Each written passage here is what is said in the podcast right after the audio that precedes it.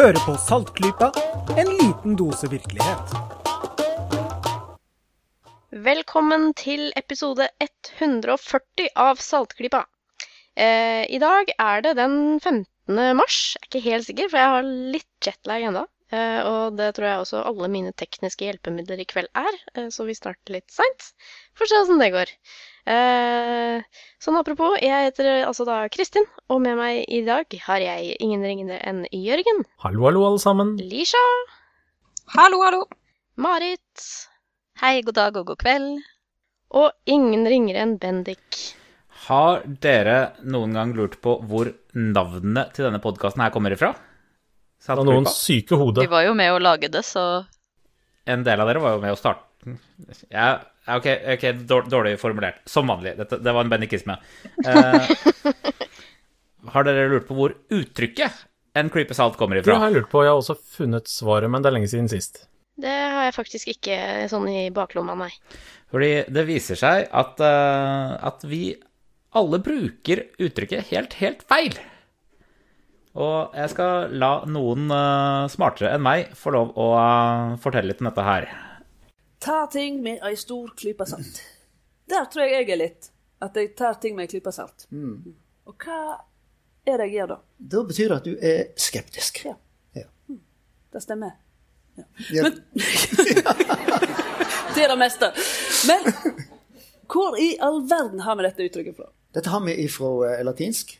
Eh, Det finnes et uttrykk der som Scipio den eldre eh, har i sin, sin produksjon. Der han sier det at 'grano granosalis, som betyr altså et korn med salt, det bruker han i overført betydning at det som er tull og tøys, det skal en ikke legge vekt på. Nei, Det har ikke noe betydning. gran er salt, altså. Jeg føler at vi må fram med saltet. Jeg syns ja, du liksom fram. driver med sånn tørr-tørr-salting her. Dette har vi saltet. Ja. Men han, hva var det ordet han brukte? Granosalis. Granosalis. Ja. Et gran? Et gran med salt, ja. Er det der vi har det ifra? Ja, ja, lite grann. Lite gran? grann? For du ser når du tar en sånn klype, så det, det er ikke mye, nå er det nesten tomt. Sant? Ja. Så da, når du tar en klype salt, så renner på en måte fakta og sannheten ut. ja. Så det er nesten ingenting igjen. Står du igjen med dette. Ja. Men det interessante er jo at Fredrik Hauge han sier jo at disse politikerne, når de får framlagt disse tallene, disse positive tallene, så må politikerne ta de tallene med ei stor klype salt. Ja, og Da bruker han det egentlig på feil måte. For hvis klypa er stor, så betyr det at eh, da har jo det stor vekt. Ja, da har du litt mye salt. Ja, ja, ja. Sant? Det skal være så lite som mulig. Og Skipio han opererer bare med ett kodden. Ett kodden salt. Så det Fredrik Hauge skulle ha sagt, sant? hvis han mente det han mente, som jeg tror han mente, så skulle han ha sagt at politikerne skulle tatt det med ei bitte, bitte, bitte lite klype salt.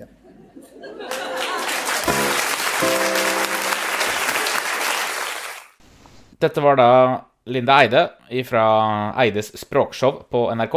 Et, et veldig gøyalt show, om jeg kan uh, få lov å si det. Eh, som fortalte oss at eh, vi pleier jo å si, som, som de fleste, at man tar noe med et stor klype salt. Men det blir jo helt feil, ifølge den originale bruken av uttrykket. Da skal man ha kun et eneste saltkorn. Ja, Og litt sånn, litt sånn som det engelske uttrykket, som så vidt jeg har skjønt, så heter det a grain of salt. Ikke sløs det dyrebare saltet ditt på det våset der. Ja, det er, eh, det, det er en bedre oversettelse, eller en bedre formulering. Riktig. Ikke sløs med det dyrebare saltet ditt på det der. og der. Ja, ja, Jeg det er, tillegger dette her like mye vekt som eh, et saltkorn. Så du må gjerne tillegge det like mye vekt som et helt kilo salt, men da tillegger du ganske mye salt. Ja. Eller tillegger du ganske mye vekt. ja, men den er god. Det var dagens lille oppklaring. Det, Mm. Episode 140 er jo ikke et eh, øyeblikk for tidlig å finne ut av det. med vi er, oppe på hva, seks og et halvt år med denne podkasten, eller noe sånt, nå, så Ja. finner vi ut at vi har brukt navnet vårt helt feil i alle disse årene. Bedre sendt enn enn Helt feil, da. Altså, vi er for øvrig også en Ja. Det norske uttrykket er jo en klype salt. språk er jo bruk og ikke definisjon. En annen ting som vi er litt sent ute med, er eh, opptaket vårt i dag. Når vi er en time ut i, opptaket, eller i, vår avtalte tid, uten at lytterne nødvendigvis hører det. Eh, vi har eh, sånne morsomme, fargerike, små tekniske blipper som skjer hit og dit. og så går tida. Så da tenkte jeg vi må haste videre, for i dag er det en veldig spennende, litt sånn apropos episode. Fordi vår datamann Bendik, han har forberedt noe skikkelig greier. Til glede for uh, folkeopplysningens tjeneste. Ja, vi hører til stadighet at uh, så og så har blitt hacket, eller så og så uh, har fått bilder lekket på internett, eller uh, så. I dag skal jeg lære dere hvordan å unngå det. Kult! Hvordan å holde dere selv trygge på internett. Trygge Trekk ut digitalt kabelen. i 2017. Det er en veldig god måte. Den, den funker veldig, veldig Ja, bra. den funka litt sånn ufrivillig her frem til nå for et kvarter siden for meg. Så, men nå har jeg trykka inn kabelen for å få det til å gå litt bedre, forhåpentligvis. Det er, det er veldig vanskelig å bryte seg inn i en datamaskin som ikke er koblet til internett. Ikke umulig, men, eh, men atskillig vanskeligere. Men uh, la, meg, la meg begynne en, en, bare med en liten eh, øvelse til dere, eller en liten oppgave. Dere får ca. to minutter eh, på dere på å lage et svar til meg. Dere kan diskutere dere i plenum. Uh, og jeg klipper bort hvis uh, det er kjedelig. Uh, dere er motstandsfolk i et uh, strengt regime. Dere skal sende en melding til en annen person. Kristin, du skal klare å sende en melding til Jørgen. Ja. Uh, dere kan kun bruke posten. Dere kan ikke ringe hverandre, for dere vet at det blir avlyttet. Og det du skal sende, er et fysisk objekt. Eh, Dere kan ikke møtes i person. Dere kan kun Så dere kan kun sende hverandre ting i posten. Men posten kan dere ikke stole på. Dere må anta at alle brev dere sender til hverandre, vil bli åpnet og lest. Eh, alle nøkler dere sender, vil bli kopiert. Altså nøkler for å, for å liksom kunne se på den vi skal sende. Både fysiske nøkler og eh, kodenøkler Ja. Vil bli kopiert. Og dere har ikke mulighet til å avklare ting med hverandre utenom posten. Sånn at dere må liksom klare, selv når dere vet at all deres kommunikasjon blir avlyttet, så skal dere klare å sende en melding til den andre som posten ikke klarer å lese. Hvor begynner dere? Jeg begynner å sende så innmari mange pakker full av så vanvittig mye sludder som det tar så lang tid å lete gjennom, at jeg eh, gjør det noen uker til jeg er ganske sikker på at de bare har- ikke gidder lenger, og så sender jeg noe fornuftig. Ok, det er en eh, Det er en, det er en, en løsning. Har du klart å avtale det med mottakeren din på forhånd?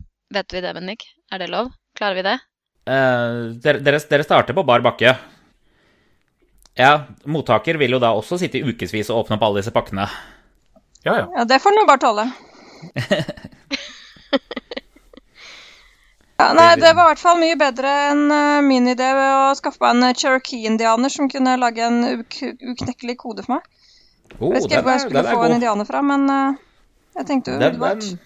Den, er jo faktisk brukt i historien også. Den er det. På slutten av andre verdenskrig så brukte de Navaho-indianere som pratet på en dialekt som ingen hadde hørt før. Ja. Men hvis Kristin sender Men- meg det, så hjelper ikke det meg noe, altså. Men de Sender deg en liten indianer. Ja, men sender meg eh, en sånn eh, tekst uten at jeg har nøkkelen. Nei, men da kan den Cherokee-duden reise til deg, vet du. Men da er det jo et menneske. Da er det jo juks. Men det, det var det som ikke gikk an. ja. Vi kunne jo ikke Mm. Ja. Men vi kunne ikke eh, treffes, men kunne vi sende hverandre en gjest, holdt jeg på å si? Ja, hvis, Si du ikke skal sende en, eh, en melding, da, men du skal sende en diamant. Fordi, fordi han trenger penger til motstandsbevegelsen sin. Ja, og så ligger den i en boks. Den skal du få overført.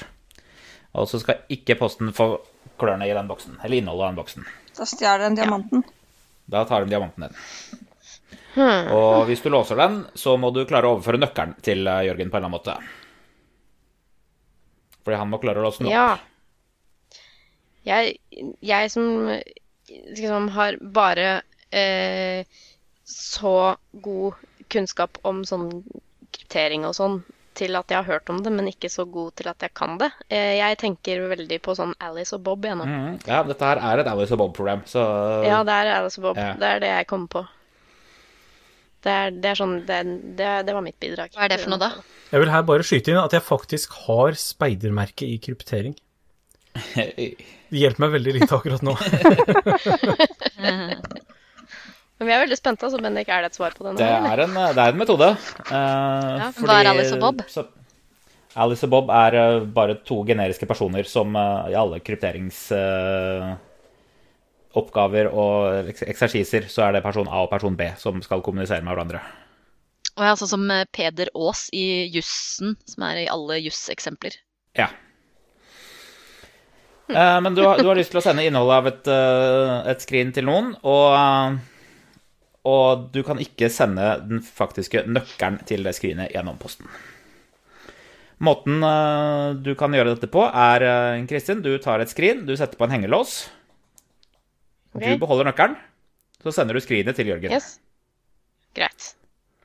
Jørgen, når du mottar den, så kobler du på din egen hengelås på samme mekanismen, og så sender du den tilbake til Kristin. Nei, han bare Da- da blir smasher den den. sendt med to smasher låser boksen. tilbake. Nei, nei, men ja. Så når den kommer tilbake til deg, Kristin, så tar du av din hengelås. Jørgen sin lås henger fremdeles på. Og så mailer du den tilbake til Jørgen igjen, som da tar av sin lås. Da har du klart å, å sende den gjennom posten uten at den noen gang har vært ulåst, og uten, gang, uten at uh, noen av nøklene har blitt sendt gjennom posten. Det var lurt. Det minner litt om den derre Du har eh, en ulv, to sauer og noen høner, og så skal du ta Ja. de over elva. Ja. Ja, Uten at ulven spiser sauen, og uten at sauen spiser eh, Ja. kålen, var det vel et eller annet sånt. Ja, Kollen var mer Ja. logisk. Men ok, eh, relevansen av denne her er, vil, vil kanskje vises senere, avhengig av hvor mye jeg klipper denne episoden er. Ja. Så, så, så hvordan holde seg selv trygg digitalt i 2017? Eh, det handler jo om at noen får tilgang til dine data. Eh, og man har to måter å komme seg inn i dine data på. ene er noen har hacket seg inn hos deg ut, uten bruk av passordet ditt. Vil si de har brukt en programvarefeil eller sånn, sånn filmhacking. Sånn ekte, ekte hacking. Sånn grønn skrift på en svart Det er skjerm. grønn sånn. skrift på svart skjerm, ja. Eh, Eller så har noen brukt passordet ditt for å komme seg inn. Den siste er den definitivt vanligste. Sånn hacking, sånn filmhacking, det gjøres kun på veldig seriøse aktører. Og det, det er ikke noe særlig som, som du behøver å bekymre deg for i noe særlig grad. Eh, Men så da vanligste metoden er at noen har brukt ditt passord for å komme seg inn. Og hvor kan de eh, ha fått passordet fra? De kan ha lært passordet fra deg, eller de kan ha lært passordet ditt fra noen andre som vet passordet ditt. Google, eksempel, hvis vi tar det veldig simplifisert, vet passordet ditt, fordi når du skriver inn passordet ditt for å logge deg på Google, så må de sjekke om du skriver inn samme passord. Nå, nå var den veldig simplifisert, fordi Google vet faktisk ikke passordet ditt. De lagrer en kryptert utgave av passordet ditt, og når du skriver inn passordet ditt i passordfeltet på nettsiden, så krypterer de det du har skrevet inn, og så sammenligner de to krypterte passordene.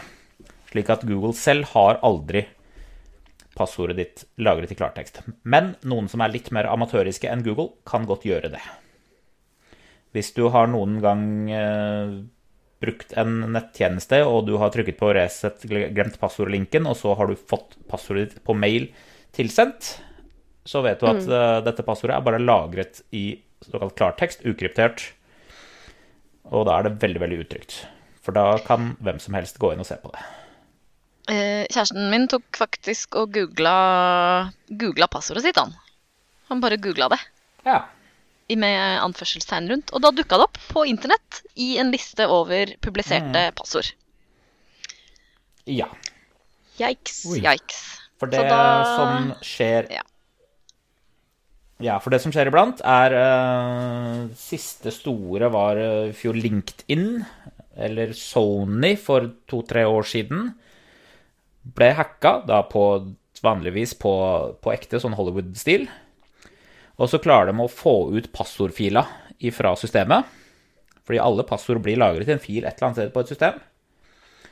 Og enten så blir det lagra i klartekst, som er veldig amatørmessig, eller så blir det lagret kryptert, noe som er bedre.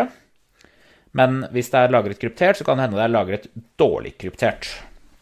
Det er mulig å knekke krypteringer og, og få tilbake passordet hvis det er eh, kryptert på en, på en såkalt svak måte, eller en dårlig måte. En, en gammel krypteringsalgoritme.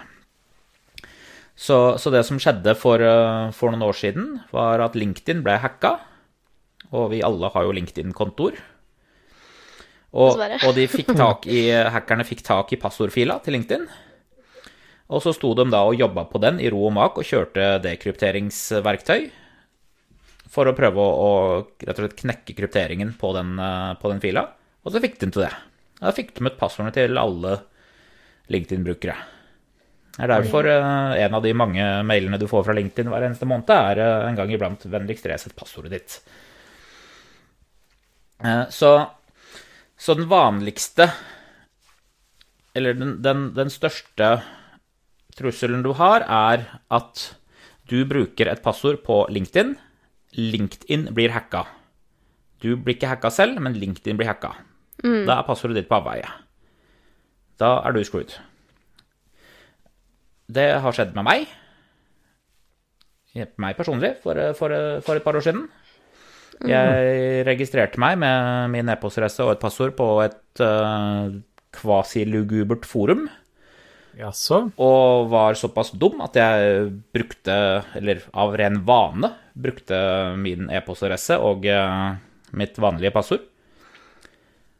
Og så enten så var det noen som hacka det forumet, eller eh, så, så var de lugubre selv. Og plutselig, eh, noen uker etterpå, så fikk jeg en mail fra Google som sa hei, det er noen i Ukraina som er i mailboksen din. Det her er uh, not cool. Så når man, når man har et passord, så setter du din lit til at også Det er ikke bare du som må beskytte passordet ditt. Hadde det bare vært du som skulle beskytte passordet ditt, så hadde det egentlig vært greit.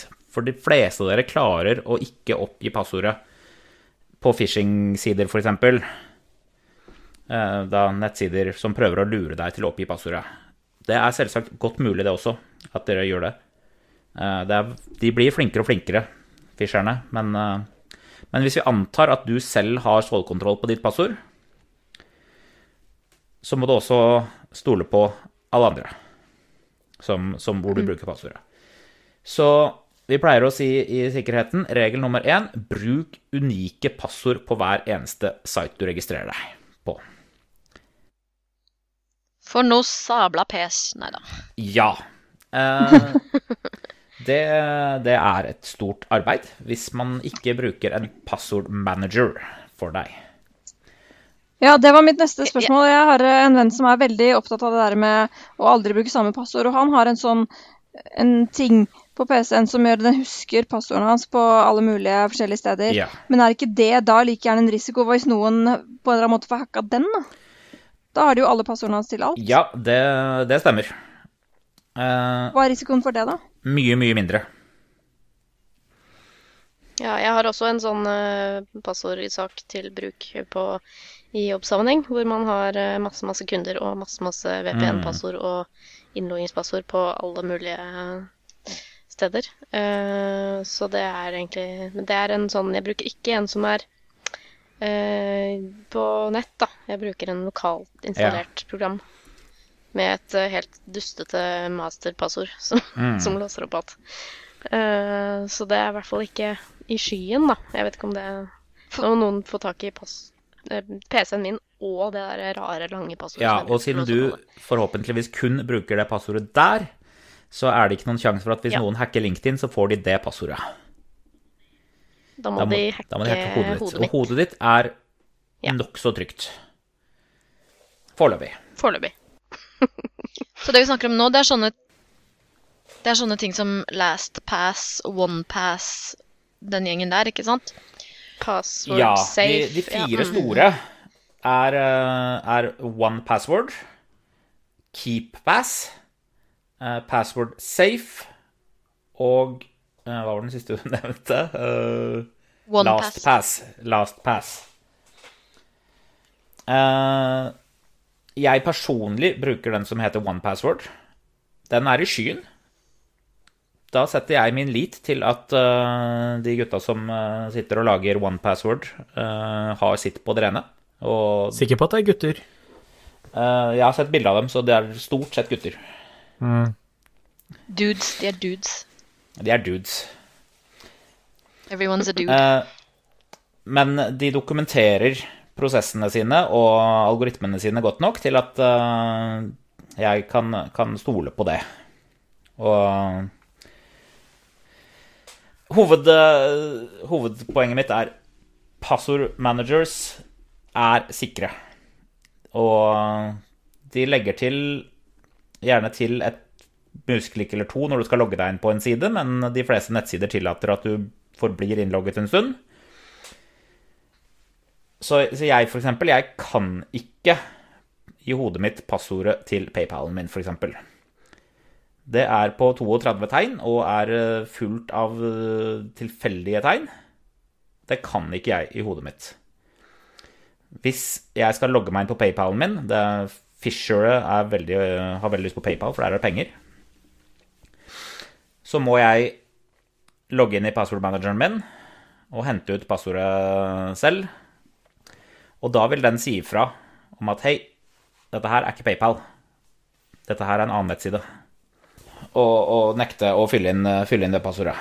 Men kan vi snakke litt mer om passord? For jeg har noe greie, jeg har en teknikk for mine passord. Men jeg leste jo en eh, XKCD-stripe for mange Mhm. herrens år siden. Som eh, lærte meg at det beste passordet i verden Ja, hva er passordet mitt da? Det er correct horse Mhm. battery stable. Og det er veldig lett å huske, fordi det er ord som mennesker har i hodet Ja, sitt. jeg er ganske enig med, med den XKCD-stripen som, vi- som vi legger en link til. Uh, gjennom disse datasikkerhetsforsøkene så har vi klart å få et sett med passord som er veldig, veldig, veldig vanskelig for uh, mennesker å huske.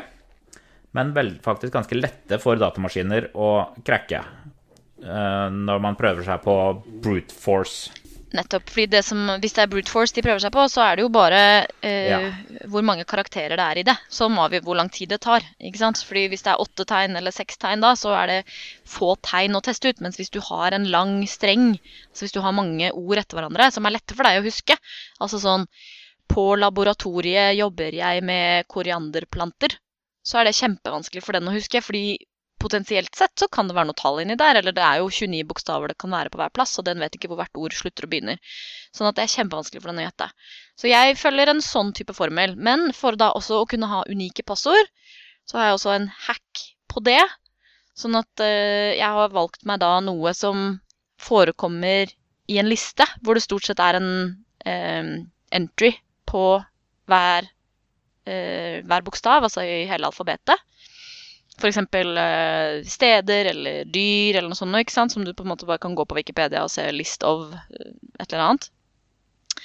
Eh, og, og da setter jeg opp en sånn type streng, da. ikke sant? Mitt skip er lastet med hestesko importert fra og så et land. Og så går jeg da inn på Wikipedia og så sjekker jeg da øverste landet som begynner på samme bokstav som den nettsiden jeg er på. For eksempel.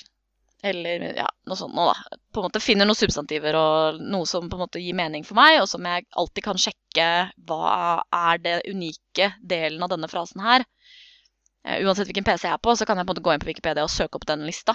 Og så erstatte da den ene delen av frasen som eh, da er site-spesifikk, mens resten er lik resten. Er ikke det ganske ålreit da, Bendik? Jo, men jeg, jeg må bare skyte inn at problemet oppstår jo når man, på disse her dustete sidene som tvinger deg i, til å ha et sånt dustepassord som er på akkurat åtte tegn, og som må inneholde store og små bokstaver og tall og spesialtegn. Det er jo så mange av dem. Du får jo ikke lov til å lage et passord som består av bare små bokstaver og mellomrom. Nei, over tid så har jeg begynt å bytte ut på en måte den gamle varianten da, til en som er um, Altså, jeg har riktignok et langt et ennå, det har jeg. Mm. så det er bare idioti når de har sånn maks 8 tegn eller maks 15 tegn eller noe sånt. Ja, jeg Men jeg har lagt inn et tall, da, Um, på et logisk sted, ikke sant, og ja. Ja. Så sånt, det, det går an å gjøre det òg. Det, det er en veldig god metode. Da får du brukt forskjellige passord på hver side. Og du, eh, du har et system for at du ikke glemmer det. Eh, For det er jo problemet når man har mange passord, at man glemmer dem jo. I hvert fall de man bruker sjeldent. Eh, Så, så det, den funker. Da har du lagd deg selv en, en passordalgoritme som, eh, som funker. Det, jeg har ikke giddet det. Jeg bruker bare en password manager som jeg lar styre alle mine passord for meg. Og den gjør også at jeg husker brukernavnet, for det er jo ikke alle steder som har e-postadressen som brukernavn. Jeg, jeg personlig bruker også forskjellige brukernavn på hver eneste site jeg går på. Eh, Det er et av, eh, en av fordelene med at eh, jeg har mitt eget domene på e-posten min, sånn at alt mm. at, at bendik.net. Jeg kan bruke hva jeg vil foran der. Det kan dere også, dere som har gmail. Det er vel ganske mange av dere. Adressen din også pluss. Så for eksempel mitt er liksom fornavn punktum etternavn pluss hestesko. hestesko. Eller pluss eh, Amazon er rare. Da kommer den fremdeles inn i din eh, innboks, men Amazon får en unik e-postadresse. Den er ikke så veldig vanskelig å gjette hvis, hvis man ser på det med øyne, men, men hackere gidder ikke se på dette her med øyne. De bare prøver å ta med nyttil. og kaster den hvis de ikke får logga inn på noe annet sted. Og det er også bonusen at uh, når den kommer inn i gmail-innboksen din, så blir den tagga med labelen Amazon automatisk. Jeg tror ikke den gjør det automatisk, jeg, men det er bare Det er veldig lett å sette opp et filter på det. Men jeg tror ikke det, det skjer automatisk. Ah, ja. okay. Så det, det er også en, en lur ting å gjøre. Fordi brukernavnet ditt er like viktig som passordet ditt, egentlig. Det er en av de to tingene man trenger for å logge inn på de fleste sider. Med et passord er det Å ja, uten et greit. brukernavn. Ja, det, det er veldig greit.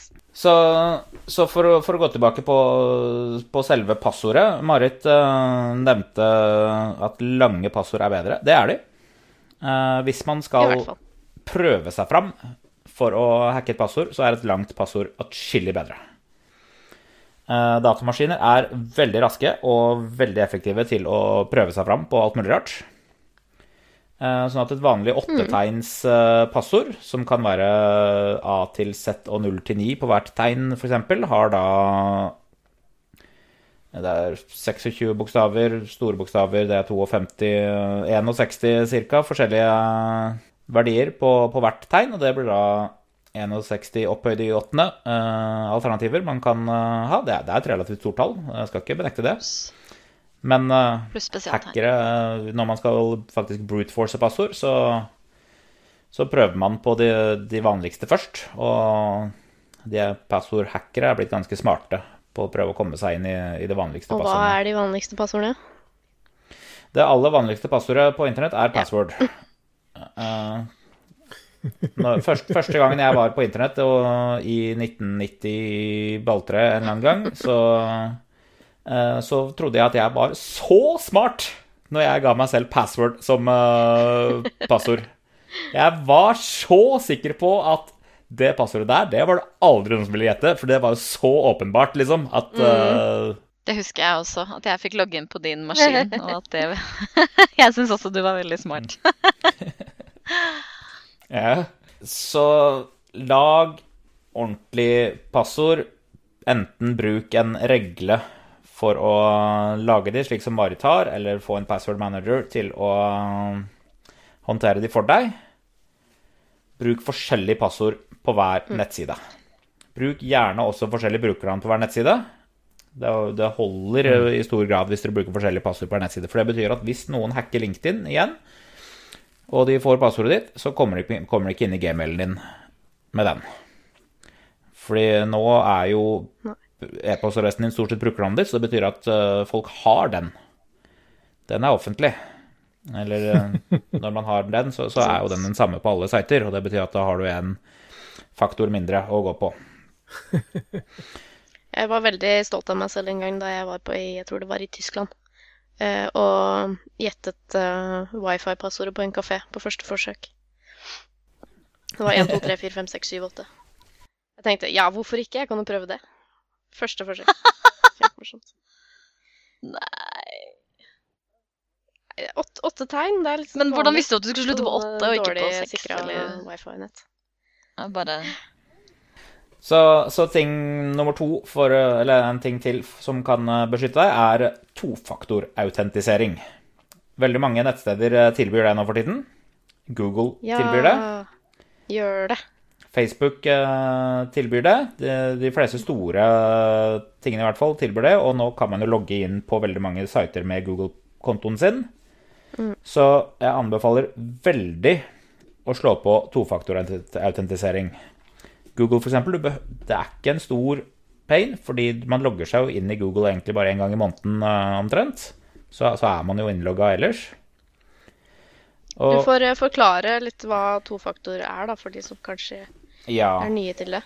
Tofaktor er eh, den, den enkleste metoden er når du prøver å logge deg inn i Google, så sender de deg en SMS med en kode som du må taste inn på nettsiden din. Og clouet er jo det at du oppgir ikke den telefonnummeret ditt der og da. Det har du skrevet inn tidligere, slik at man må logge seg inn eh, før å redigere det. Eh, Facebook har det også. Google har det. Microhotmail har det vel. De fleste, i hvert fall store steder, tilbyr tofaktorautentisering nå. Det er en veldig, veldig, veldig god ting. For det betyr at det er umulig for noen å logge seg inn uten den ekstra koden. Og den havner på din mobiltelefon. Twitter har også det. Jeg eh, slo på det etter en litt dårlig erfaring når jeg våknet opp til at jeg fikk, fikk 100 beskjeder om øh, kontoen din er hacka. Eh, Mm. kontoen din er hacka. Så, ja. Har du noen eh, formening om hvordan det skjedde, Nei, forresten? aner ikke. Du aner ikke, nei? Nei, faktisk ikke. Uh, Men det var sikkert noe dumt. Har ikke lest.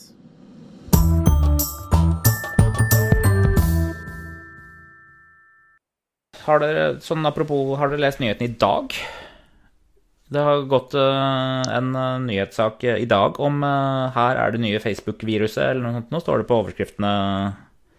Ja, overskriften har jeg nok sett, men det kom vel omtrent Ja. bare så langt, tror jeg.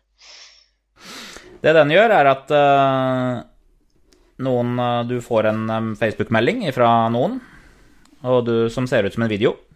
Du klikker på den, og så kommer man til en Facebook-login-side. Ja. Og da tenker man jo bare automatisk å, jeg må logge meg inn på nytt for å, for å få se denne videoen her. Og så gjør man det.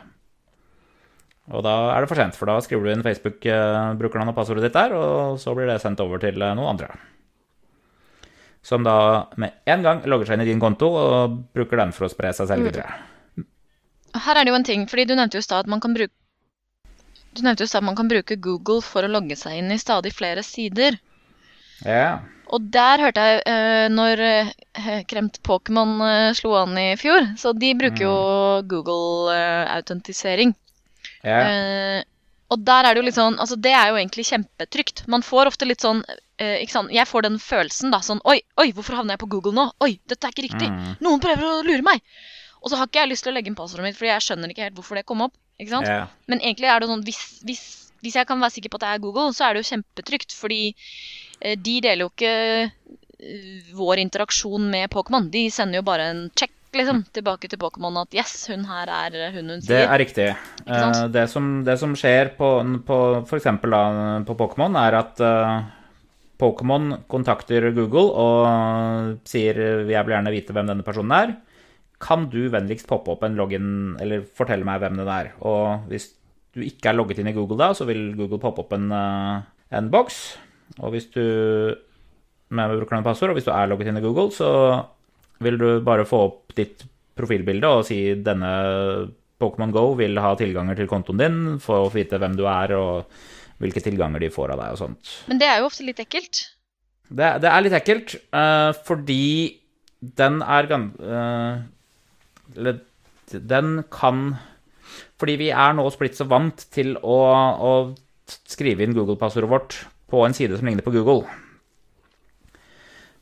Det var sånn eh, Husker dere fra den amerikanske valgkampen i fjor, så var det noen e-post-hacks. Det ble gjort med at eh, noen klarte å sende en, eh, en link til John Podesta med, som så ut som en ekte Google-side, og han skrev inn passordet sitt der. Men hvordan vet jeg at, eh, at Pokémon eh, pop-upen er ekte? Hvis du er i tvil, så kan du skrive noe annet. Eh, skrive et annet brukernavn. Mm. Google har gjort noe litt smart i at man ikke skriver inn bruk Når man logger seg inn i Google, så skriver man ikke inn brukernavnet og passordet sitt samtidig. Det er en grunn, er en grunn til det. Eh, og det. Og det er at straks du skriver inn brukernavn, brukernavnet ditt, så henter den opp navnet og bildet ditt basert på brukernavnet. Eh, og det gjør den da slik at det skal være lettere for deg at du ser at dette her er en ekte Ah. Google-side, fordi en Fisher eller en angriper vil ikke vite bildet eller navnet Men ditt. det, da forventer jo systemet at du er nok informert om dette til at du skjønner når det ikke skjer, at noe er gærent. Ja. Det var litt sånn derre sender esken tilbake med sin egen hengelås. Mm, den, den er faktisk eh, smartere enn eh, enn man skulle tro. Den, eh, bare det ene lille ekstra skrittet der er, er et ekstra step som bekrefter for deg at du bare prater med Google. For da henter de opp navnet ditt. Hvorfor har ikke Google sagt det før? Det hadde jo vært kjempenyttig informasjon. Ja. Ja, det var det. det nå, nå vet dere det. Så hackeren kan ikke Og det betyr at hvis dere er i tvil, så kan dere prøve å skrive inn en Ja, annen, det det bare en helt vilkårlig annen e-postadresse, grumpf at blurk.no, og se hva som kommer opp. Hvis det er en phishing-side som prøver å ta deg, så vil de godta den og prøve å la deg logge inn. Google vil si nei, du, get real, da. Dette her er ikke, er ikke en bruker. Serr. Uh, så Google er, eh, er ganske smarte der. Uh, de andre sitene gjør det vel ikke sånn enda. Men eh, det er f.eks. også grunnen til at eh, når du får e-poster, så, så foretrekker de å, å skrive ned navnet ditt inni der. PayPal, for eksempel. PayPal er jo en veldig, som nevnt tidligere, en veldig hyppig eh, forsøkt fishet eh, konto. Hvis du ser i, i spam-mappa di på, på gmailen din, så vil du sikkert finne massevis av falske PayPal-meldinger der. Ja, PayPal og eBay vil alltid legge ved navnet ditt i, i e-posten, slik at uh, du kan vite at uh, de, den er ekte. Eller det er én hvis av de de har klart mange å snappe opp den kombinasjonen av uh, navn og e-postadresse fra et eller Det er, annet sted liksom, det er ikke så overbevisende det at noen har med navnet mitt, for det vet jo ofte skammere også. Jeg vet ikke, jeg. øh, Det er litt forvirrende, det her, altså. Bare hvis de vil ta deg spesifikt. Hvis du f.eks. blir bedt om å logge inn på din PayPal-konto for å se en mistenkelig overføring, så skal du logge deg inn på PayPal-kontoen din. Ikke følg den linken som er i mailen. La alltid musepekeren hovre over, og så ser du hva slags adresse som faktisk dukker opp nederst, sånn før du Nå, klikker. nå er browseren også blitt ganske flink til å svarteliste domener, eller Google Chrome f.eks. Sjekker, sjekker basically hver eneste nettside du går inn på mot en, eh, mot en svarteliste av kjente phishing-sider. Og, og sier ifra hvis den er eh, falsk, men det kan hende du er den aller første. Eh, Men hvis du da får en, får en mail fra PayPal, og du er mistenkelig, så ikke følg linken i e-posten, men klikk deg inn på PayPal selv, og, og sjekk derifra. Det samme da med, med Google. Man logger seg inn i Google ganske sjeldent, og Google-passordet ditt er ganske nyttig, fordi hvis de kommer inn i Googlen din, så kommer de inn i mailen din, og fra mailen din så kan de få tilgang til alle andre kontoer du har, for da er det bare å bestille nye passord eh, via forgot password-lenkene på forskjellige steder. Du, Bendik, jeg har lyst til å smette inn et spørsmål. Jeg bare lurer på hvor stor sjansen er for at uh, noen snapper opp et passord eh, hvis man bare gjør noe litt dumt eh, på kanskje litt uforutsigbart sted. For eksempel, dette har skjedd meg. Jeg skulle skrive inn et passord, og så hadde jeg eh, sikkert blitt forvirra et eller annet og bytta noen vinduer i hui og hast, og så endte jeg opp med å skrive passordet mitt inn i adressefeltet istedenfor i den boksen på den nettsida jeg skulle logge inn på. Hvilket da gjorde altså at passordet mitt ble et uh, Google-søk istedenfor. Hva er sjansen for at noen snapper opp det søket og ser at oi, her har vi en bruker som har gitt passordet sitt, hoho, Cirka null. cirka null, ja. Det er, det er veldig sånn, der, sånn eh, gapestokk for de som har brukt IRC. Eh, Alle som har brukt IRC, har skrevet passordet sitt inn i eh, et, noe man tror Ja. er passordvinduet, og så har det publisert det i kanalen man er på, og så blir man ledd av. Og så må man Ja. skifte passord. Hvis, Eller sånn som enkelte amerikanske pressetalsmenn for høye embeter Ja. som uh, har gjort den tabben sannsynligvis. Ja. Det er litt verre. Det er litt verre enn Ja. et uh, chatterom med 20 mennesker. hvis, du, hvis du bare endte opp med å gjøre et Google-søk på passordet ditt, så er du all good. Hvis du derimot pasta inn en e-post og endte opp med å trykke send, så er du screwed. Greit. Ja. Uansett, den gangen, det, det var, da, da lærte jeg litt, da. Eh, fordi da brukte jeg et eh, ganske sterkt passord, men jeg brukte flere steder, og det var akkurat det passordet jeg klarte å søke på. Så da eh, Jeg var usikker på om det var farlig, men da gikk jeg over og endra passordet mitt mange, mange steder.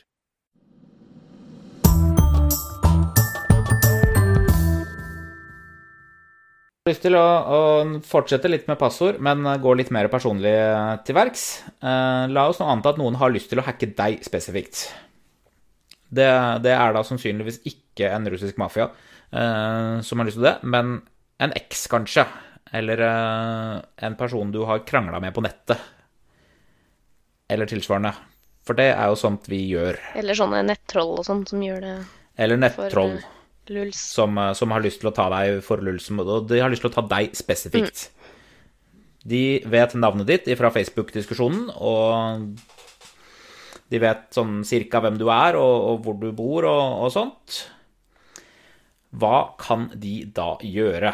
Fordi det, det første de har lyst til For dette er sannsynligvis det som skjer hver gang noen sier 'jeg har blitt hacket', og, og nakenbildene mine har blitt spredt på nettet, eller 'jeg har blitt hacket', og jeg har drevet og slengt rasistiske meldinger på Twitter. Eh, noen spesifikt har targeta deg. Ofte et troll, noen du kjenner, noen som har lyst til å messe med deg spesifikt. Hvordan, eh, hvordan kommer de seg inn da? Det må du nesten fortelle oss. Jo, eh, den, den enkleste måten er eh, å ringe kundeservice for, eh, Ja. for Twitter, eller for Facebook, eller for eh, for, eh, for noen, å og si Hei, jeg er Kristin. Jeg har glemt passordet mitt. Kan du gi meg et nytt et, takk? Og så, og så, og så får, får de det. Det jeg har sett på YouTube eller sånne scam school-programmer hvor de gjerne ringer inn Da er det jo gjerne folk type sånn med barn eller sånne ting, da, så ringer de inn, og så sier du 'Du, jeg beklager, altså, men eh, ektemannen min' altså, Da er det han som er offeret, da.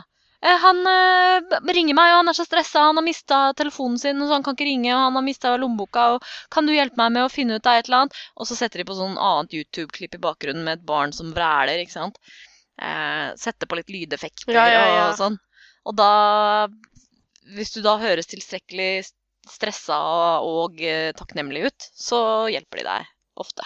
Får du ut eh, kanskje et par tall av kredittkortet ditt, eller noe der, og så kan du ringe til et annet sted og gjøre det samme, og så får du ut de andre åtte tallene. Så uh, Ja, hacke så- mennesker så- er mye lettere, ikke sant. Det, det, er, det, var, det var akkurat det som var poenget mitt.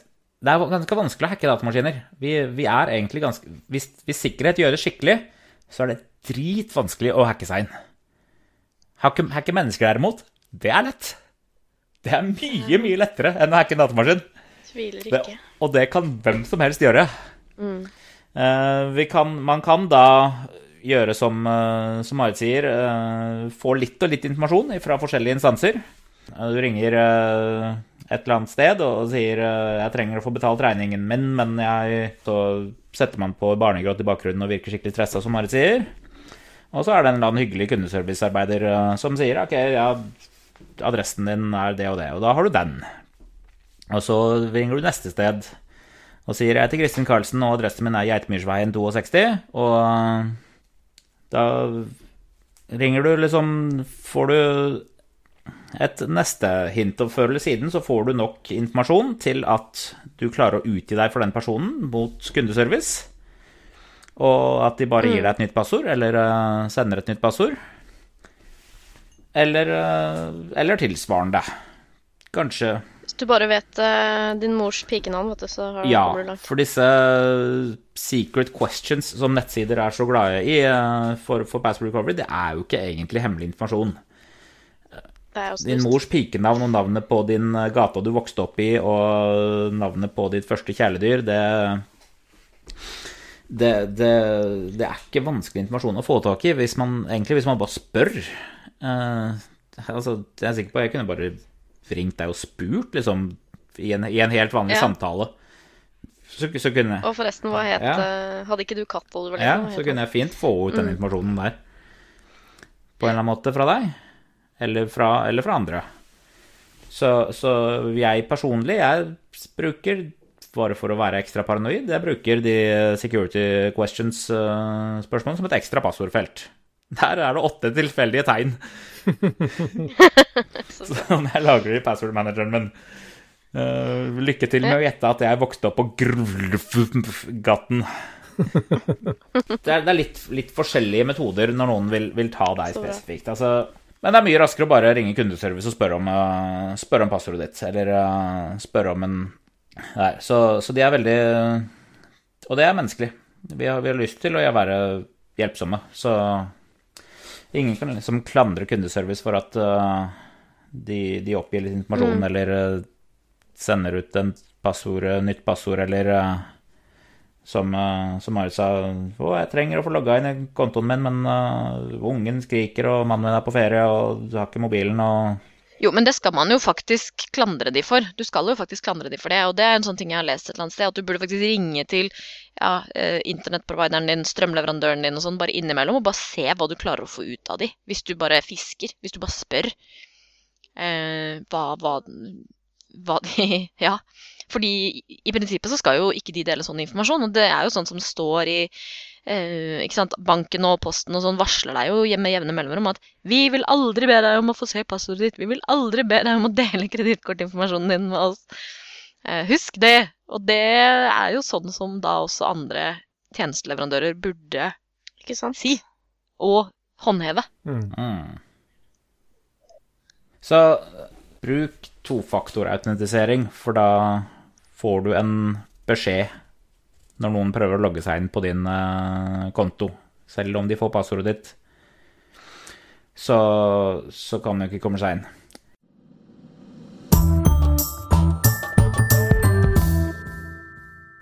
Jeg vil hoppe over til et siste tema, som, eh, som er eh, virus.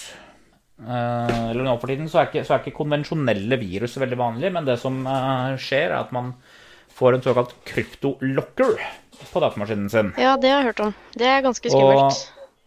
De har du hørt om. De, de er veldig skumle. De er veldig ekle. Uh, da, da får man det, det går helt greit å kalle det et virus. Du, du får et virus ved at noen som oftest sender deg en mail eller uh, tilsvarende og ber deg om, lurer deg til å laste ned et vedlegg og kjøre den fila. Eh, og de, de prøver seg med mange forskjellige teknikker for å prøve å få den. Vi kommer til de seinere. Og straks den fila kjøres, så er det et program som begynner å kryptere hver eneste, hvert eneste dokument, hvert eneste bilde, hver eneste fil du har på datamaskinen din. Og så popper den opp et uh, vindu som sier vi har kryptert alle filene du har på datamaskinen din. Det er kun én nøkkel som kan låse opp eh, disse filene. Den har vi, og den sletter vi om 72 timer. Betal penger til denne kontoen her for å få nøkkelen. Eh, Så skal de gjerne ha en tusenlapp eller tilsvarende. Det er en bitch, og hvis du får en sånn en. Eh, Ja, du, du er jo ingen Du kan ikke få noen ekstern hjelp til å dekryptere, liksom. Det, Du kan egentlig ikke få noen ekstern hjelp, og du har dårlig tid, og du har sannsynligvis ikke en, eh, en mastergrad i data, og Kanskje du har driti deg ut på et eller annet tidspunkt sjøl òg? Eh, pluss at det er jo kjempeflaut, da. Eh, Så da tenker du enten ok, enten så får jeg suck it up og betale de eh, pengene, og, og satse på at de gidder å gi deg nøkkelen. Eller så får du si ja, da mista jeg de dataene.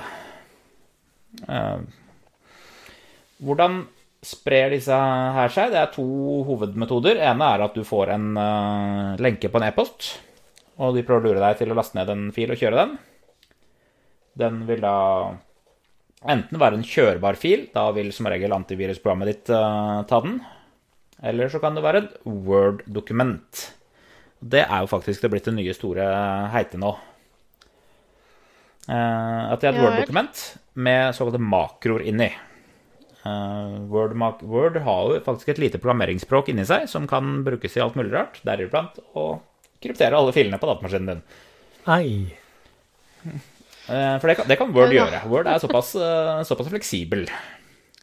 Eh, Så, så disse her handler jo da om at hvis du får opp et Word-dokument, så står det gjerne dette dokumentet er låst. Du må klikke på 'enable macros' eller tilsvarende for å, fordi, for, å, for å lese det. Fordi Word har blitt såpass smart at det slår av makroer ved default.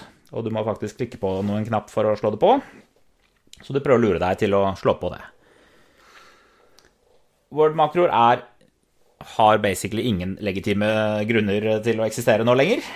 Uh, annet enn uh, for, for ting som dette her, så, så, så aldri la deg lure av en Word-makro, vær så snill. De, det har vært et par tilfeller av en annen måte de har spredd seg på, eh, som da har gått på rett og slett programvarefeil i browseren din, og du er ute og surfer, og plutselig så, så er det en nettside som benytter seg av en bug i nettleseren din, og, og klarer å få kjørt programmet sitt, få kjøpt, kjørt kryptolokkeren på maskinen din på den måten. Det er egentlig ikke lenger et uh, reelt problem hvis man bruker en moderne browser og holder den oppdatert. Moderne browsere er blitt kjempesikre mot uh, sånne hackere. Det er omtrent Jeg tror det er uh, en million dollar i, uh, i belønning til den hackeren som klarer å bryte seg ut fra Chrome og inn på datamaskinen. Og den premien står uhentet. Litt sånn million dollar challenge, mm. bare i Men, ja, men det krever at du oppdaterer browseren din, og at du bruker uh, Chrome, Firefox, Edge eller Safari. Edge er faktisk uh, den nye Microsoft-browseren som kommer med, med Windows 10, er kjempebra på sikkerhet også. Mm. På ja, Det var ikke dårlig. Det var på tide, ikke sånn, da. bruk Internet Explorer. Det Nei, nei Bortsett fra når du ikke får eh, Når du, når du må bruke jobbmaskinen din på heller. Og Chrome ikke starter. Uh, hovedgrunnen er at Internett Explorer tåler plugins, og plugins er kjørbar uh, kode som, kan, uh, hvem som, hel- som andre nettsider kan styre. Og det betyr at straks du har installert en plugin, så er den teoretisk sett inne på datamaskinen din. Ikke ja, ikke bekymre deg for sånne, sånne distribusjonsmetoder av, av hackere. Uh, hvis, man har, især hvis man har Windows 10 eller eh, Mac, siste Mac OS X og bruker en oppdatert browser, ikke vær bekymra for at eh, noen bryter seg inn på den måten. All, de er ute etter passordet ditt, det er ikke, ikke etter å få landa et virus på datamaskinen din.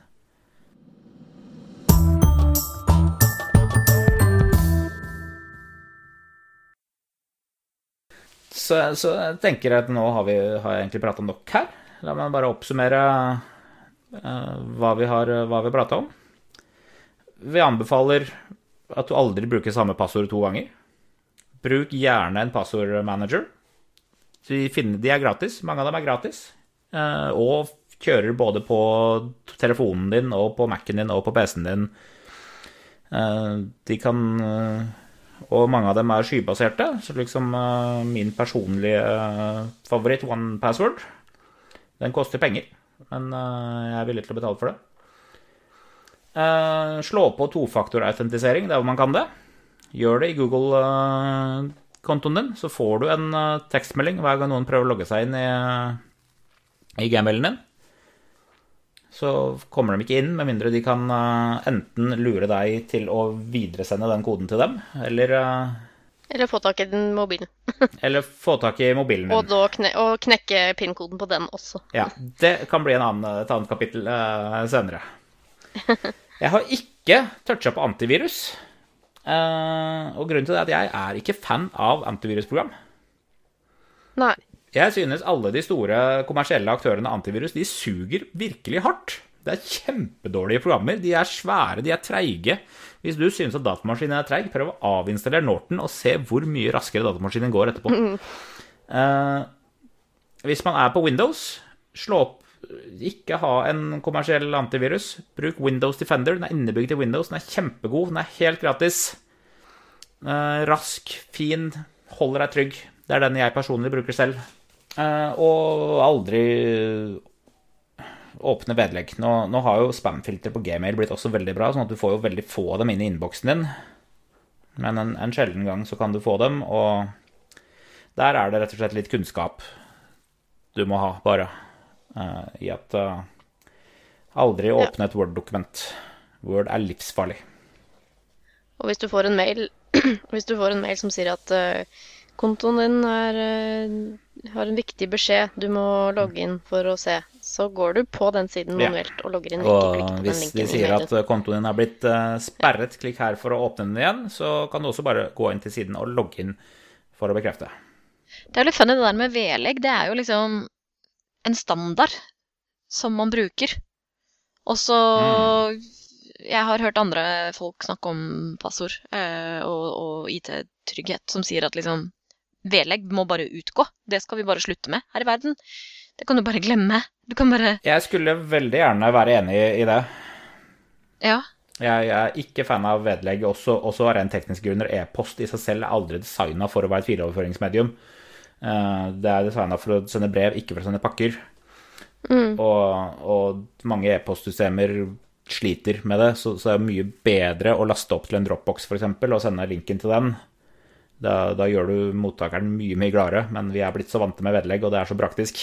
Men det skjønner jeg jo ikke heller, fordi hvis jeg får en Dropbox-lenke, så aner jo ikke jeg hva som er der. Ja, men det er bedre på, for e-postsystemet. Du, du har ikke noe mer kontroll sånn, men uh, fila blir overført til datamaskinen din uansett om den kommer via vedlegg eller via Dropbox. Så det, så det i seg selv er ikke noen uh, forskjell. Men Å ja, nei, ja, det er kanskje å åpne cloud-baserte løsninger. Men det vet jeg jo ikke før jeg har trykka på den, egentlig, om den er cloud eller om den blir lasta ned som et vedlegg. Eller om den lastet ned som en fil. Ja, men det er i hvert fall en løsning for det der. Det andre er jo at, eh, som vi ikke har snakket om heller, men det er jo den eh, analoge versjonen av det, som er eh, USB-pinner. Som jo også er begynt å bli sånn forbudt på flere steder. Jeg fikk mail fra Jeg skal snakke på på Oslo universitetssykehus i dag, bare om et, ja, bare en idé jeg har hatt. Eh, og så, da fikk jeg mail fra hun som jeg har hatt kontakt med at eh, ja, hvis du, skal, hvis du skal vise noen slides, så må du sende det til meg på forhånd, fordi USB er ikke lov. ja, det, Det er litt morsomt. det er jo også På sykehus er jo det fordi du Ikke bare fordi man kan det er, men det er også fordi man skal kunne kopiere data ut fra sykehus.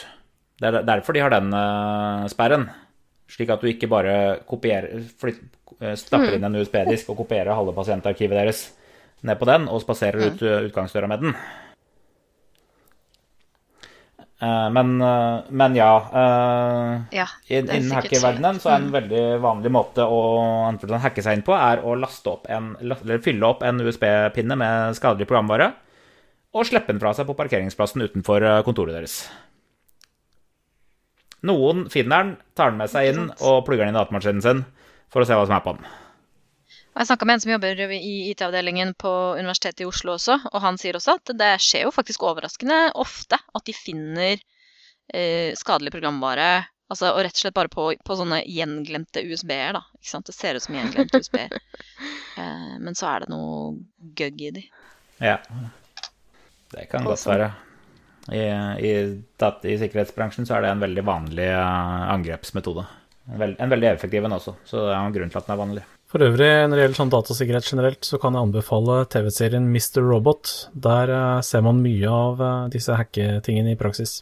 Kul serie. Mr. Robot eh, er faktisk helt anførselstegn ekte. Der, der driver de ikke med sånn Hollywood-hacking like mye. Der bruker de ekte faguttrykk og ekte verktøy. Eh, de, de, gjør det, de er litt, litt vel flinke, men, eh, men de bruker stort sett eh, ekte metoder. De er, de er veldig gode på Mr. Robot. Yes. Da blir det en anbefaling, da. Blant alle andre. Ja. Ja. Det var jo altså Mm. da en helaften i datasikkerhet, Bendik. Du skal ha hjertelig takk for det. Det er jo Mye uintuitivt som er greit å vite. Det er mye uintuitivt. Eh, Jeg fikk ikke engang toucha på mange, et par temaer, så det blir nok en del to om et halvt års, til et års tid. Men eh, da kan vi prate om hva det betyr, og den der hengelåsen i nettleseren din. Eh, Ja. For den, for den betyr Ja. ikke det du eh, faktisk tror at den eh, betyr. Nei. Men det får bli cliffhanger. Ja, men da Det blir cliffhanger, altså. Nå er jeg en uh, mjauende pelsbaby som lurer på hvorfor jeg har vært innestengt i et lite rom så lenge. Så da tror jeg kanskje vi eh, er i ferd med å runde av. Det tror jeg. Hvis det ikke er noen Før eh, den pelsbabyen kommer spradende inn i gul genser med runde briller. Og så kommer det en annen pelsbaby i sånn gåstol bak.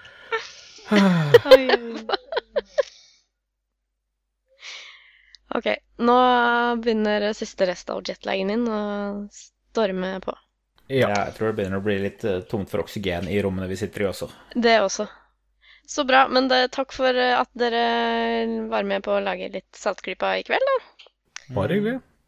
Yes, eh, Så da tenker jeg vi runder av eh, og sier straks ha det. Og så snakkes vi igjen om et ja, par ukers tid. Ja. Ha det bra. Ha det bra. Ha det bra. Ja, da-